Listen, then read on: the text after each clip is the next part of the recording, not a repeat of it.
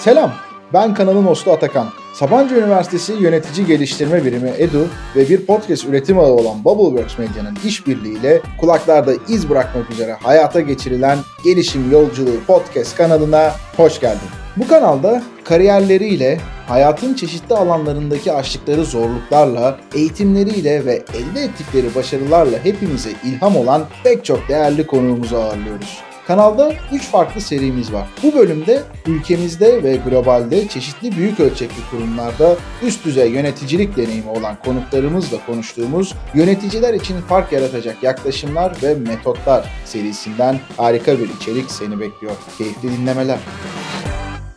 Evet, herkese selamlar. Gelişim Yolculuğu podcast kanalının bir bölümüne daha hoş geldiniz. Bugün de çok değerli bir konuğumuz var. Açıkçası ben çok heyecanlıyım çünkü uzun zamandır da daha üniversite yıllarımın başından beri aslında takip ettiğim ve ismi de buradaki hani öneri listesinde konuşulmaya başladığından beri de o heyecanı böyle bir fiil yaşadım. Şu anda da Doruk'a ulaştığı bir andayım. Sevgili Ümran Beba ile beraberiz. Ümran Hanım hoş geldiniz. Hoş bulduk. Çok teşekkürler davet için. Ne demek biz teşekkür ederiz. Burada valla hem kanalın konsepti gereği hem de bu seri özelinde sizinle birlikte olmak ve burada sizin vakit ayırmış olmanız bizim için çok çok değerli. Ben ayrıca hem kendi adıma hem Sabancı Üniversitesi EDU adına çok teşekkür ediyorum sizlere. Sağ olun. Sizi tanımak isteriz. İşte belki iş hayatıyla ilgili zaten burada Derya Deniz bahsedecek olduğunuz şey var, konu var ama genel olarak Ümran Bebe kimdir, neler yapar bir tanıyabilirsek çok sevinirim. Teşekkürler. Evet 35 yıllık bir kariyer sonrasında şu anda ikinci kariyer dediğimiz dönemdeyim. 25 yıl PepsiCo'da çalıştım. Ondan önce Colgate Palmolive. Pazarlama ile başlayan yolculuğum sonrasında insan kaynakları, satış genel müdürlük, bölge başkanlığı ve uluslararası anlamda insan kaynakları üst düzey yöneticiliği, merkez ofiste işte dünyadan ve çeşitlilikten sorumlu diyeyim yönetici görevlerine kadar uzanan bir yolculuk. Şimdi 2020 Mayıs'ta bu yolculuğu dediğim gibi ikinci kariyere çevirdim ve şu anda da üç ayaklı bir ikinci kariyerdeyim. Bunda da August Leadership, burada üst düzey yönetici yerleştirme ve liderlik danışmanlığı yapıyorum. Aynı zamanda çeşitlilik ve kapsayıcılık dediğimiz alanlarda danışmanlık yapıyorum. İkinci ayakta yönetim kurulu üyeliklerim var. İngiltere'de halka açık bir yönetim kurulunda ve Amerika'da STK'larda. Üçüncü ayağımızda BEBA vakfımız, girişimcilik ve inovasyon üzerine aile vakfımız Amerika'da kurduk ve Amerika ve Türkiye'de projeler yapıyoruz. Kısaca böyle. Anladım süper. Valla kısaca diye söylüyoruz tabii ki burada ama aslında pek de kısa olmayan bu yaşanılan süreç içerisinde bin bir eminim ki emekle, kanter, gözyaşıyla dolu bir süreçten bahsediyoruz. Burada böyle özellikle aslında konuklarımızdan şeyi almayı da çok seviyoruz Ümran Hanım. Bir hobiniz, sizin böyle sosyal hayatınızda böyle sizi tanımlayan bir şeyler varsa iş hayatıyla ilgili zaten şimdi birazdan yoğun bir şekilde konuşacağız. Profesyonellere, yönetici adaylarına, halihazırdaki yöneticilere güzel tavsiyeler gelecek burada ama işin bir böyle sosyal tarafıyla ilgili de söylemek istediğiniz bir şeyler varsa almayı çok isterim. Tabii ki tabii ki. Şimdi ben 12 sene boyunca halk oyunlarıyla uğraştım. İlkokuldan başlayıp üniversite sona kadar devam eden. Burada da halk müziği de aynı zamanda bunun bir parçasıydı. Başkanlık görevlerim oldu. Hem Robert Kolej'de hem Boğaziçi Üniversitesi'nde. Yöneticilik tecrübelerimi ilk orada edindim diyebilirim. Yani 200 kişilik bir kulübümüz vardı ve ciddi anlamda ekiplerle çalışma, projeler üretme, sahneye çıkma, fon isteme gibi çok iyi tecrübelerimiz oldu ama en önemlisi müzik ve dansla iç içe. Sonra tam üniversiteyi bitirirken İstanbul Belediye Konservatuvarı'na kabul aldım ve aslında müzikle olan ilişkim devam edebilirdi. Fakat mühendis olarak mezun olacaktım ve sonra da master'a gidecektim. Tekrar 12 senelik bir soprano olma veya mezzo soprano duruma göre öyle bir yolculuğa dedim ki çıkabilecek miyim? Biraz hayal gibi duruyor. 3 aydan sonra ona nokta koydum. Fakat Amerika'ya geldikten sonra son 6 yıldır her cumartesi günü müzik okulunda vokal derslerine katıldım ve şarkı söyleme tekrar keyfimi yerine getirdim. Aynı zamanda Amerika'ya ilk geldiğimiz dönemde yaklaşık 5 ay yalnızdım ben burada ailemi beklerken ve çalışırken. Orada da dans derslerine gittim gibi. Yani hobi bizde maşallah var. ne güzel. Hep böyle şey bir konu oluyor ya işte üst düzey yöneticilerle biz kayıtlar aldığımızda falan sanki şey gibi oluyor. Dinleyicilerden bazen soru istiyoruz. Hep böyle iş hayatıyla vesaire ilgili sorular geliyor ama bir yandan da biz şey de unutulsun istemiyoruz. Yani hepimiz insanız ve hayatımızda bir şekilde kendimizi deşarj etmek için işte mutlu olmak için belki orada da yine başarılı olmak için bilmiyorum ama kendimizi beslemek için bir şeyler yapıyoruz. O yüzden işin bu tarafına değinmek güzel oluyor. Ben de ayrıca sevindim. Sizi araştırırken bu bilgilerin aslında pek çoğuna da ulaşamamıştım. Teşekkür ederiz bu paylaşımlar için. Ben buna inanıyorum söylediğinize çok yakından. Çünkü dediğiniz gibi insanın muhakkak hayatta bir hobisi olması lazım. Kesinlikle. İş döneminde yani uzun yıllar çalışırken insanlar öyle bir kaptırıyor ki sonra işte emeklilik dediğimiz o klasik hani emekli olma halinde hiçbir hobisi olmayan hayatla bağını çok böyle basite indirgemiş hayatlar yaşanabiliyor ve bu çok aslında tehlikeli de olabiliyor. Çünkü her şey iş değil veya aile tabii çok önemli ama mesela çocuk oluyor, gidiyor, yalnız kalıyorsunuz gibi hani sizle ilgili bir şey muhakkak olmalı insanın hayatında. Dolayısıyla bu ben bazen hatta çok mu fazla var diye düşünüyorum. Ben çünkü resim yapmayı da seviyorum. Yani bir sanatçı tarafım var ama onu çok fazla iş sebebiyle tabii öne çıkarabilmiş değilim ama yani boş vakit mesela pandemi döneminde kolaj dersleri tekrar aldım. Güzel çalışmalar yaptım, keyif aldım. Önemli olan aslında keyif almak gerçekten ve kendinizi dinleyip refleksiyon dediğimiz sürece girmek ve neler yapıyorsunuz, ne yapmak istiyorsunuz bunları düşünebilmek, dinlenebilmek, yeni ilhamlar alabilmek değil mi? Kesinlikle. O keyif alma kısmı çok çok önemli. Bir yandan da aslında beni merak ettiğim başka bir konuya doğru da götürüyor sizinle konuşmak istediğim. O keyif almaya başladığımız anda bence hayal de kurmaya başlıyoruz. Ve o rahat o hayal kurabildiğimiz ortamı da düşündüğümüz zaman işte biraz daha geçmişe doğru götürüyor bizi. Daha böyle gençlik yıllarımız, belki çocukluk yıllarımız. İşte hepimizin meslek hayatıyla ilgili, gelmek istediği konumlarla ilgili hayalleri var. Bunlardan bazıları çok gerçekçi olabiliyor, bazıları da gerçeklikten uzak olabiliyor ki bence buna da ihtiyaç var bir şekilde. Ama hayat bizi işte iyi veya kötü, hiç beklemediğimiz yerlere götürebiliyor. Burada şunu merak ediyorum. Sizin böyle gençlik zamanlarınızda daha da eskiye doğru gittiğimizde, üniversite yıllarınız olabilir. Ümran Beba'nın gelecekten beklentileri nelerdi ve bu beklentiler için acaba kendisini nasıl hazırladı? Evet ben çok şükür ki iyi bir eğitim alabildim. Hı hı. Aile olarak aslında çok belki bir özel okul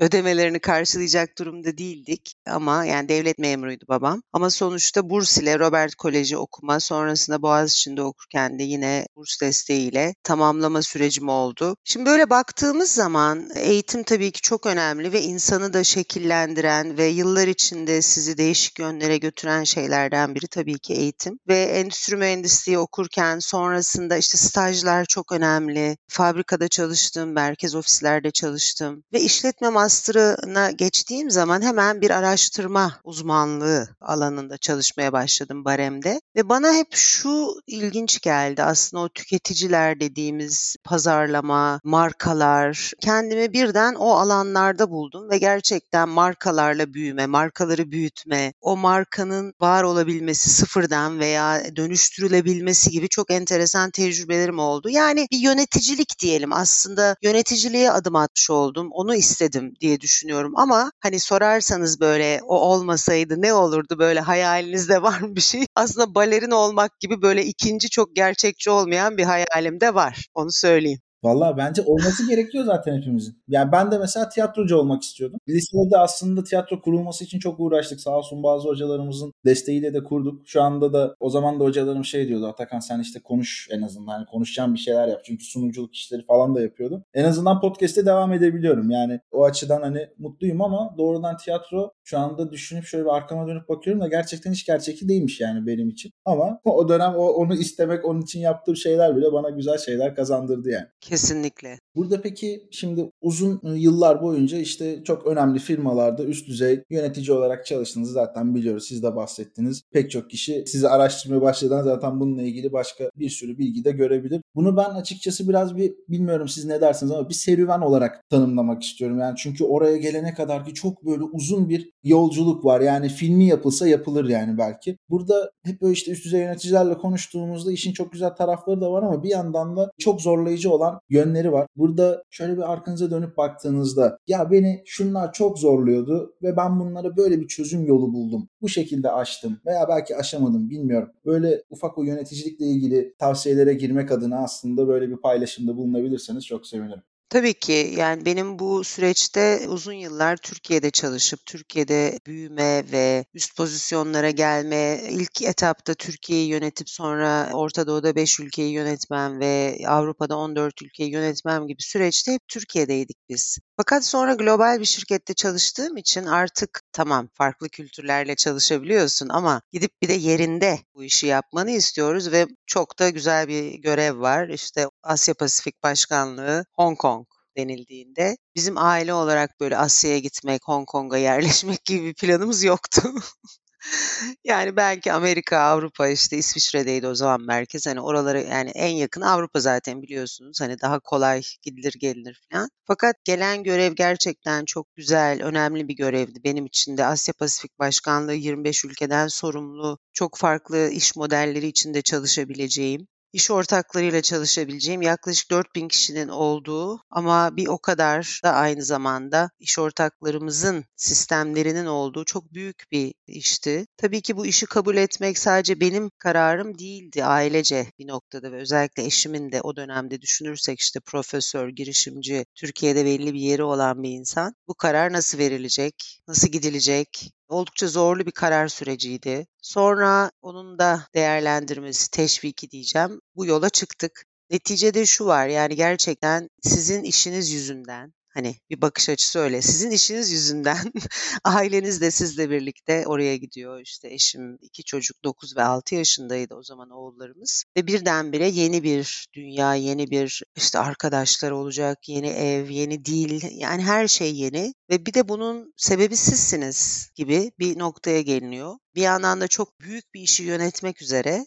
oraya gidiyorsunuz. İşte başarılı olmanız lazım. Kendinizi tekrar bulunduğunuz şirket içinde başarılı olarak göstermeniz ve performans sunmanız gerekiyor. Bütün bunları tabii yan yana koyunca işte aralık ayıydı galiba. Teklif 2009'un böyle aralık ayında gelmişti. Sonra Ocak'ta biz gidip Hong Kong'u gördük. Arkasından işte kararın verilmesi, benim oraya ilk etapta tek başıma gitmem, okullar bitene kadar çocukların işte eşimin kalması Türkiye'de gibi yine böyle 5-6 aylık zorlu bir süreç ve sonrasında da taşınma, 3,5 sene orada yaşama, farklı okullar dediğim gibi yani kolay bir süreç değildi ve benim kişisel değerlerim açısından daha önce 5 tane değerimi çok net ortaya koymuştum yaptığım kişisel çalışmalarda 6. değer diyebileceğim dayanıklılığı da o süreçte yazdım değerler arasına. Anladım. Bu arada ilk beşini de bir noktada duymak isteriz bunların ama Tabii. sadece şeyle ilgili ufak bir yorum yapmak istiyorum. Şu anda ben işte 30'lu yaş civarlarındayım. E, pek çok böyle arkadaşıma bakıyorum. Daha büyüklerime, küçüklerime. İşte herkes bir noktada Türkiye'de veya doğrudan yurt dışında iyi bir kariyere başlayıp ama günün sonunda mutlaka yurt dışına kanalize olabilmek istiyor. Eminim bizi dinleyenler arasında çok fazla böyle bir yaklaşımı olan vardır aslında o kadar da pembe bir dünya olmadığının bunun halihazırdaki iş sorumluluğunun yanı sıra işte pek çok başka sorumluluğu da yani yepyeni bir hayatta sanki yeniden başka bir ortamda doğuyormuşçasına bir yapı ortaya koyduğunu bence çok güzel bir özetleme adına iyi oldu. Tabii bu gidilsin gidilmesin anlamında demiyorum ama bu kararları verirken gerçekten gerçekçi bir şekilde bunlara hazır olmak gerektiğini anlamış oluyorum ben buradan sizin paylaşımınızdan. Şimdi o günlerde yurt dışında çalışmak böylesine istenen, tercih edilen bir konu değildi. Hı hı. Son 5-6 senede bu konuda bir yükseliş görüyoruz. Ama ne olursa olsun yani dönem ne olursa olsun insanların bir ülkeden başka bir ülkeye gitmeleri tek başına olmak ayrı, ailece olmak ayrı, ikisinin artıları ve eksileri var. Ama hiçbir şey yapılamaz değil. Her şey yapılabilir istedikten sonra. Benim tabii çok pozitif olarak söyleyebileceğim şey iyi bir şirkette, iyi bir pozisyonda, iyi şartlarda gittim. Dolayısıyla diğer konuları halletmek için işte hafta içi iş, hafta sonu aile odaklı çok gerçekten planlı programlı odaklı bir şekilde ailemin de desteğiyle bir noktaya gelinebildi. Şimdi iyi bir işle gitmediğiniz durumlarda veya iyi bir şirketle gitmediğiniz tamamen ben başımı alıp gidiyorum dediğinizde olaylar çok daha farklı tabii. Yine yapılabilir. Her şey yapılabilir ama hani bulunduğunuz şartlara göre kendinizi hazırlamanız lazım. Kesinlikle. Burada şimdi sizi de dinledikçe aklımda bir yandan da sürekli şeyler de oluşuyor. Yani burada pek çok sorunla karşılaşıyorsunuz. İşte hayatınızın kendi kendi bütün düzeni değişiyor. Bir yandan da işte kurumun içerisinde bir ekip var. Belki bir sürü ekip var. Onları yönetmek ve takip etmek zorundasınız. Sorunları erkenden keşfetmek, işte bunlara çözüm bulmak, kurumun karlılığı için veya işte oradaki o operasyonun iyi bir şekilde yürümesi için planlamalar yapmak. Bir de bunu gerçekleştirmek, aksiyona dökmek, rakipleri takip etmek, işte oradaki o yeni hayatla bir araya gelebilmek, yurt içinde veya dışında olsun fark etmez. Sonuçta yepyeni sorumluluklar geliyor burada yönetimin kademesi artıp o sorumluluklar büyüdükçe. Dolayısıyla sanki bu da bir kuvvetli bir denge mekanizmasını oturtabilmeyi gerektiriyormuş gibi geliyor. Bu dengeyi kurabilmek için sizin yöneticilere şu anda aktif olarak çeşitli kademelerdeki yöneticilere, yönetici adaylarına ne gibi tavsiyeleriniz olur? Özellikle böyle yetkinlik açısından, yaklaşım açısından, belki zihin yapısı açısından kendilerini nasıl donatmalılar? Belki burada o diğer 5 maddeye de yer verebiliriz diye de düşünüyorum. Tabii ki. Şimdi sonuçta çok büyük bir bölgeydi. Dediğiniz gibi benim bulunduğum pozisyon genel müdürleri yönettiğim bir pozisyondu. Öyle düşünelim. Dolayısıyla ekip zaten aslında güçlü, kendi gündemini oturtabilen bir ekip ve siz onların üzerinde daha çok vizyon, strateji, iş ortaklıkları, yatırımlar, birleşmeler gibi gerçekten stratejik bir gündemi götürmek zorundasınız. Ama oraya gittiğiniz zaman işte Türk bir insan tamam belli global işler yapmış ama bir kere bir geliyorsunuz işte benim altımda böyle 9 değişik ülkeden yönetici vardı yani Amerika'dan, İngiltere'den, işte Pakistan'dan, Çin'den gibi hani bütün o çok kültürlü yapıda çalışmak, onların güvenini kazanmak ve aynı şekilde tabii benim de onlara güvenmem, birbirimizi anlamak. Yani ben ilk etapta şunu söylemek istiyorum. Aslında benim değerlerimden biri işte o beşten biri dinleme, anlama ve empati. Ve bu tip görev değişikliklerinde yani yeni bir göreve gittiğinizde ilk iş onu yapmak gerekiyor ki diğer değerim işte saygı ve güven ilişkisini oluşturabilmek. Dolayısıyla eğer biz karşımızdakini iyi bir şekilde dinler anlarsak, yeri geldiğinde empati gösterebilirsek sonuçta bir saygı ve güven ilişkisi oluşturuyoruz. Bu da bizi uzun vadeli iş ilişkilerinde gerek ekip olsun, gerek iş ortaklıkları olsun iyi yerlere götürebiliyor. Ha bu süreçte herkesle anlaşabileceğiz anlamına gelmiyor. Tabii ki ilk bir göreve gittiğinizde o ekipte gerek performans olarak gerek kültür olarak zaman zaman birlikte uyum olarak çalışamayacağınız kişiler de oluyor. İşte yöneticiliğin önemli alanlarından biri de bu. Ekibinizi oluşturmak, doğru kişilerle ileriye yürüyebilmek. Dolayısıyla zor kararları da veriyorsunuz. Yani sonuçta birkaç kişi belki o ekipte yer alamayacak. Bunu dile getirebilmek ama kişileri gerçekten kendi hayatlarında başarılı olmaya yönlendirecek konuşmaları yapabilmek. Yani ben değerler konusuna dönersem tekrar yaptığım işi tutkuyla yapmak, ekiple sonuca ulaşmak, destek almak ama destek vermek, bir de daha önce söylediğim dinleme, anlama, empati, saygı ve güven ilişkisi. Bu ilk beş buydu. Sonra üç tane daha eklendi. Bir tanesi dayanıklılık dedik. Sonrasında perspektif ve global etki. Bunların hepsinin arkasında bir hikaye var. Bunlar hayat hikayesini inceleyerek oluşturulmuş değerler ve ben bu egzersizi zaten koçluk çalışmalarımda da yapıyorum. Gerçekten çok önemli bulduğum otantik liderliğe giden yolda çok önemli bir çalışma. Kendimizi tanıma, anlama ve liderlik değerlerimizi ortaya koyabilmek. Vallahi harika yani. Şu anda ben kendime de bir sürü not aldım bu arada buradan. Onu söyleyeyim. gerçekten çok çok değerli. Yani zaten bu seriyi yapmaktaki amacımız da gerçekten burada birebir yaşanmışlıklardan bunlara dinleyebilmek. Hani biraz önce söylediğiniz ya tüm orada o 8 tane değer var ve bunların ardında aslında yatan hikayeler var. Bunlar yaşanmışlıklardan geliyor. Dolayısıyla şey değil yani ya bence şunlar önemli denilen bir şey değil. Bunların gerçekten değerinin anlaşıldığı kaynaklardan geliyor olması çok önemli. Bir yandan da şunu merak ettim. Ta aslında bölümün sohbetin başında söylediğiniz bir şey vardı. Hani bu yurt dışına gitme konusuyla ilgili. Eskiden hani bu kadar popüler değildi. Şu anda böyle. Şu anda biz bir podcast mecrasında aslında konuşuyoruz. Dolayısıyla bir yeni nesil medyadayız. Belki bir 10 yıl 15 yıl önce bu kaydı yapıyor olsaydık muhtemelen televizyon veya radyoda yapıyor olacaktık. Dolayısıyla hep böyle bir işin yenisi etkisi yeni nesil ikili her şeyin böyle başına gelmeye başladı. İş hayatında da çok kullanıyoruz. Orada bir şey merak ediyorum. Sizce böyle eskiden kurumlardaki yönetim iklimiyle şimdiki arasında ne gibi farklar var? Ne gibi anlayış değişiklikleri var? Veya ne gibi anlayış değişimleri olmalı gibi biraz ucu açık bir soru farkındayım ama en azından böyle birkaç önemli noktaya değinerek yorumlarınızı alabilirsek harika olur. Evet, gerçekten şirketler içindeki kültür hep konuştuğumuz ama tanımı şirkete göre değişen, insana göre değişen, kimisi geniş, kimisi dar olan bir kavram. Şimdi ben şunu görüyorum son dönemlerde şeffaflık çok önem kazandı. Artık çalışanlar her şeyi bilmek istiyorlar. Nereye gidiyoruz, ne yapıyoruz, niye bunu yapıyoruz, bu karar niye verildi gibi bir şeffaflık olayı var. Yani artışta olan, yükselişte olan ve olmazsa olmaza giden. İkinci konu olayların ve kararların bir parçası olma. Yani eskiden de muhakkak bu vardı ama bu kadar talep edilen bir konu değildi. Artık çalışan nerede, niye, hangi anlam için, hangi vizyon için çalıştığını ve kendi bir noktada amacı ile şirketin amacının böyle paralel olmasını istiyor ve iyi işler yapan bir şirkette, sürdürülebilirlik gündemi olan bir şirkette fayda sağlamak istiyor yani işin yanı sıra. Bu beklenti de tabii şirketlerin sürdürülebilirlik gündemini de yukarı çekmede önemli bir adım diye düşünüyorum.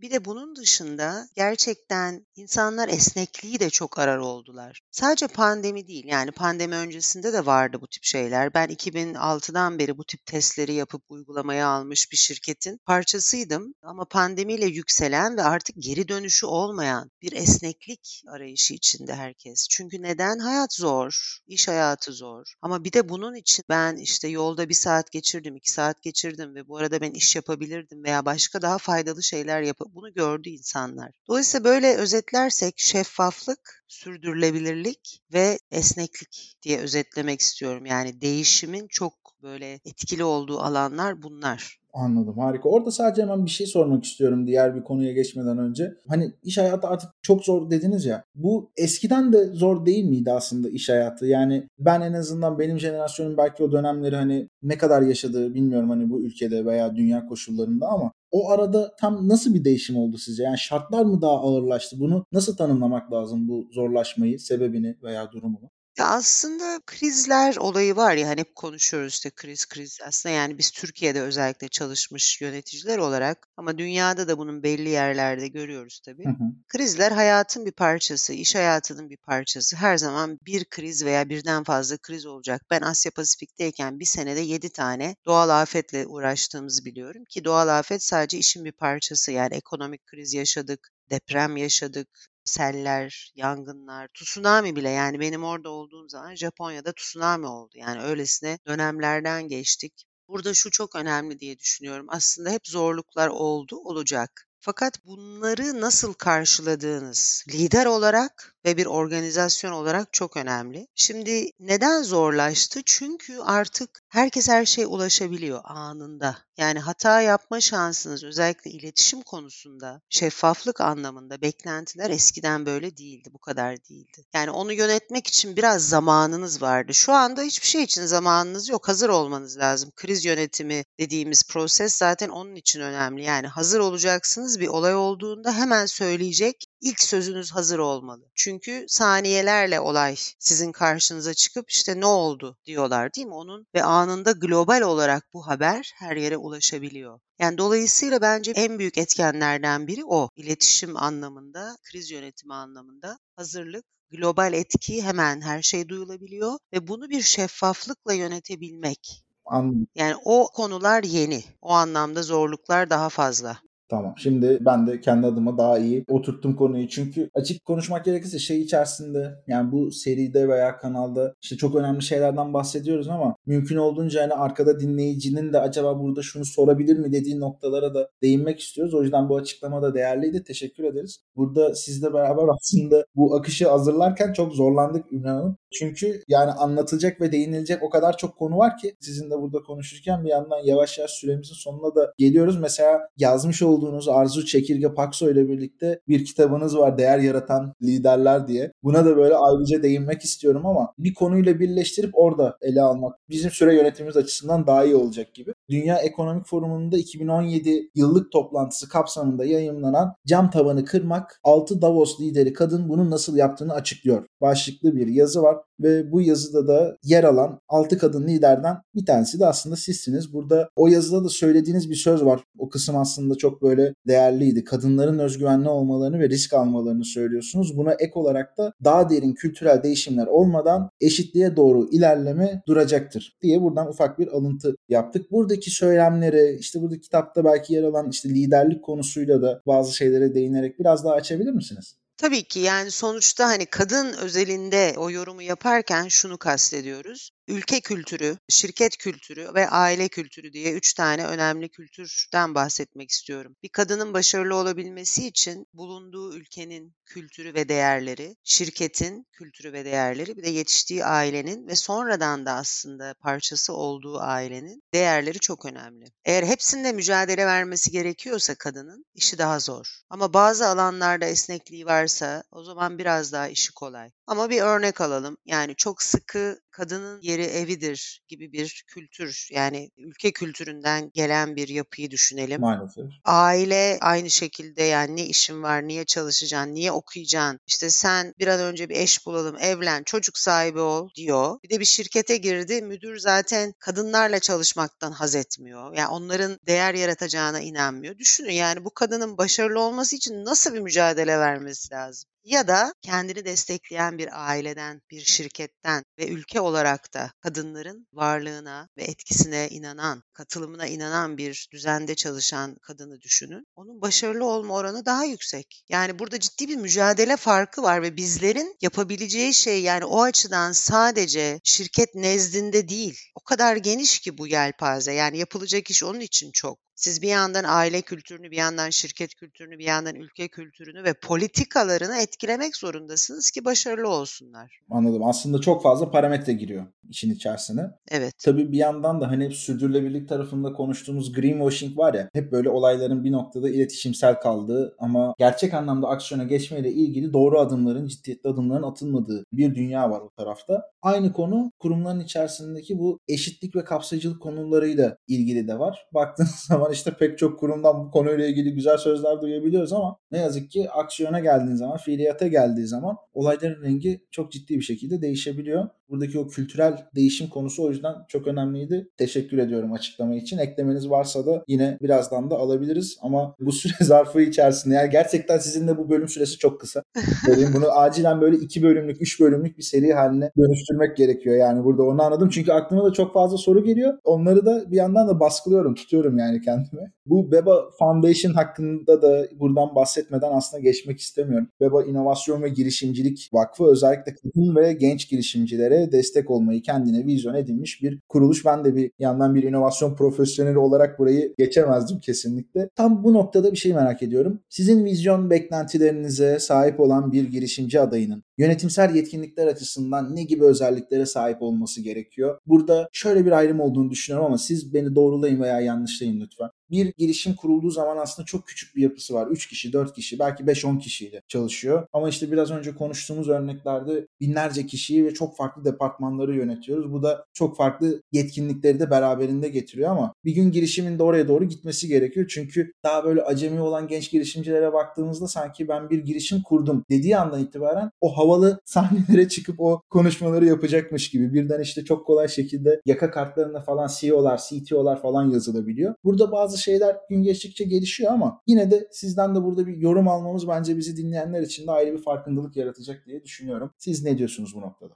Evet, bugünün dünyasında bence üç tane önemli konu var. Bunlar gerek girişimci olan, gerekse firmalarda çalışan yöneticiler için geçerli diye düşünüyorum. Okur yazarlığın yeni boyutları, finansal okur yazarlık, sürdürülebilirlikle ilgili okur yazarlık, bir de duygusal zeka okur yazarlığı. Şimdi bunları minimum seviyede en azından bir finansal anlayışa sahip olmak lazım. Yani sizin tabii ki bir muhasebe veya finans bölümünde çalışırcasına detaya hakim olmanız değil ama en azından bir kar zarar nedir, bilanço nedir bunları bilmek iş dünyasında size güç kazandıracaktır. Mühendis olabilirsiniz ama yaptığınız iş nasıl etkiliyor şirketinizi bunu bileceksiniz. Sürdürülebilirlik dediğimizde çevre, insan, toplum nasıl etkileniyor yaptığınız işlerden? Bir üçüncüsü de duygusal zeka. İnsanlarla çalışıyorsunuz, ekiplerle çalışıyorsunuz. Toplumla ve tüketiciyle, müşteriyle iletişim halindesiniz. Bunları beceremediğiniz zaman ne girişimcilik ne de yönetici olarak doğru yerlere gelmek mümkün değil. Şimdi girişimciliğe gelirsek burada tabii risk alma faktörü var. Zor bir süreçten geçip sonunda başarıya küçük bir ekiple de olsa başlayıp başarıya koşmak var ama o zorlu süreci yaşayabilecek bir dayanıklılığa sahip olmanız lazım. Yüksek risk alarak ağınızı kullanarak sonuca ulaşmanız lazım. Ama sonuçta ticaretleştirebileceğiniz bir icadın olması da lazım. Yani yeni bir şey sunmanız lazım. Şimdi böyle baktığımız zaman bizim aile vakfımızı Amerika'da kurduk 2017'nin sonunda. Eşim girişimcilik konusunda profesörlük yapıyordu daha önce. Onun da bilgi birikimi benim özellikle kadın ve gençlik konusundaki çalışmalarımla buluştu. Biz şu anda üç alanda destek veriyoruz. Bunlar eğitim, mentörlük ve yarışmalarla ilk destek. Dolayısıyla burada söylenebilecek şey şu. İster girişimci olun, ister yönetici olun. Rakamlardan anlayın, yaptığınız işin dünyaya etkisini anlayın ve insanlarla çalışmanın gücüne inanın. Harika, süper. Vallahi tam böyle bölümün sonuna doğru gelirken böyle tüyleri hafiften böyle diken diken sanki kendimi şey gibi hissettim. Hani oradaki o ekiplere şeyleri iyi bir şekilde anlatmak ve onları gerçek anlamda motive edip harekete geçmesiyle ilgili söylediğiniz bir kesit vardı ya. Orada sizi dinleyen kişilerden bir tanesiymiş gibi hissettim. Çok değerliydi. Sağ olun. Şimdi burada ne yazık ki sohbetin yavaş yavaş sonuna doğru geliyoruz. Dediğim gibi içimde, aklımda, kalbimde tuttuğum soramadığım pek çok soruyla beraber ama yeniden başka bölümlerde de sizi ağırlamayı çok çok isteriz. Gerçekten çok keyifli. Sağ olun. Tekrar teşekkür ediyorum ve en sonunda da aslında bir hem genel bir toparlama burada yöneticilerle ilgili aslında hani özetlemek gerekirse buradaki o 8 tane değer çok önemliydi. Dinleme, anlama, empati, saygı, güven, dayanıklılık, perspektif ve global etki. Eksik veya yanlış söylediğim varsa lütfen düzeltin. Bir de ben şunu kendi nasıl söyleyeyim kendi haneme yazdım aslında asla unutacağımı düşünmüyorum. Destek almak ama bir yandan da destek vermek gerçekten çok önemli bir konu. Hep söylediğimiz bir şey var ya sorumluluk var ama yetki yok. Dolayısıyla sonuç yok, çıktı yok, bir şeyler olamıyor. Bu bence çok çok değerli ve önemli bir konuydu ama sizin de tekrar altını çizmek istediğiniz burada maddeler, konular varsa onları da alalım. Bir de dizi, film, kitap, podcast burada sizi beslediğini düşündüğünüz hem iş hayatından da olabilir, dışarıdan başka sosyal hayatla, sosyal becerilerle ilgili de olabilir. Birkaç kaynak önerisi de alabilirsek çok seviniriz. Tabii ben bu otantik liderlik konusundan bugün çok bahsedemedim ama o değerler gezisine çıkış aslında o eğitimle olmuştu. Ve bu konuda da Bill George'un yazmış olduğu True North kitabı o dönemde 2006-2007 döneminde okuduğum, çok değerli bulduğum bir kitaptı. True North, Bill George. Hatta onun yeni versiyonları da var şimdi. Kendisi Harvard'da şu an profesörlük yapıyor ama daha öncesinde de CEO'luk yapmış bir yönetici, aynı zamanda yazar. Yani İngilizce olarak o kitap beni etkilemiştir. Onun dışında zaman zaman açıkçası böyle roman okumak. Burada mesela Danielle Steele diye bir hanım var. Milyonlarca satmış bir kitaplar yazarı. Kafanızı bazen böyle dağıtıp sizi farklı yerlere götürebilecek içerikte hafif ama keyifli. Yani o tip şeylere de zaman ayırmak lazım. Çünkü sonuçta hep işle ilgili dinlerseniz, okursanız gibi gibi bazen o da yorabiliyor. Fakat kendini sürekli geliştirme konusuyla kapatalım isterseniz bugünü. Tabii ki. Ben bu döneme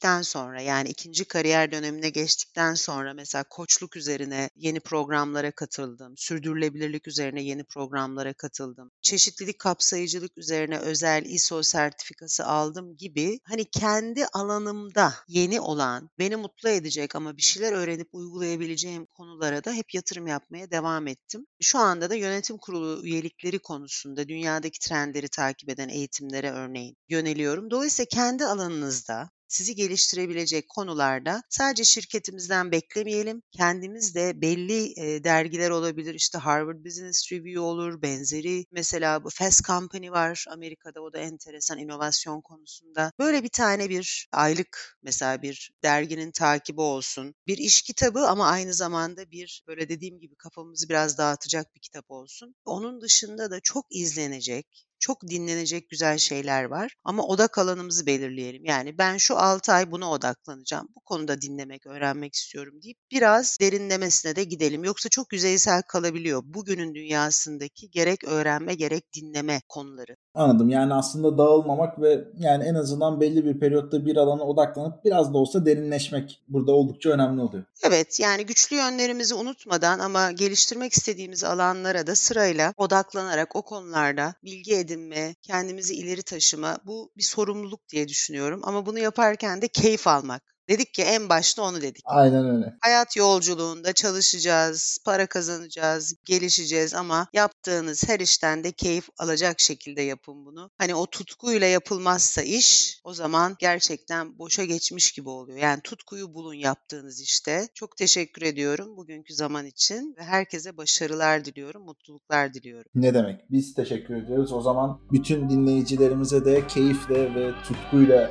yapacakları işler henüz bulamadılarsa bulmalarını dileyerek veya bu alanda daha da derinleşmelerini umarak kapatalım isterseniz. Ben tekrardan çok çok teşekkür ediyorum. Sağ olun katıldığınız için. Çok doğal Çok mersi. Çok sağ olun. Görüşmek üzere bir sonraki bölümümüzde sevgili dinleyiciler. Kendinize iyi bakın lütfen. Hoşçakalın. Hepinize saygılar, sevgiler. Görüşmek üzere.